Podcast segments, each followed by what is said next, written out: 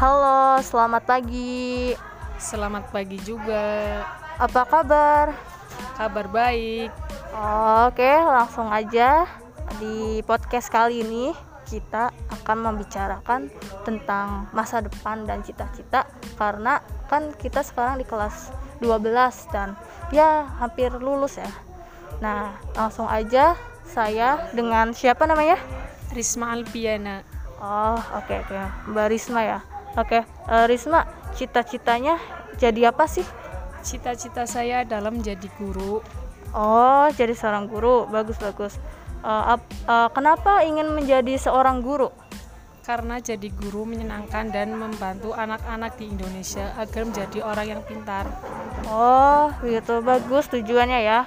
Eh, udah nyiapin langkah-langkahnya belum? Udah, Oh, Oke, apa aja sih langkah-langkahnya untuk menggapai cita-cita tersebut? Sehabis lulus sekolah saya akan kuliah mengambil Fakultas Sastra Indonesia agar menjadi sarjana bahasa Indonesia dan sesudah menjadi sarjana langkah untuk berikutnya agar menjadi seorang guru bahasa Indonesia yaitu menentukan tujuan pembelajaran, menetapkan materi dan bahan ajar dengan tepat. Oh, oke oke. Jadi udah mempersiapkan semua cita-cita dengan baik. Semoga nantinya bisa tercapai impian tersebut. Amin. Amin. Amin. Nah, oke.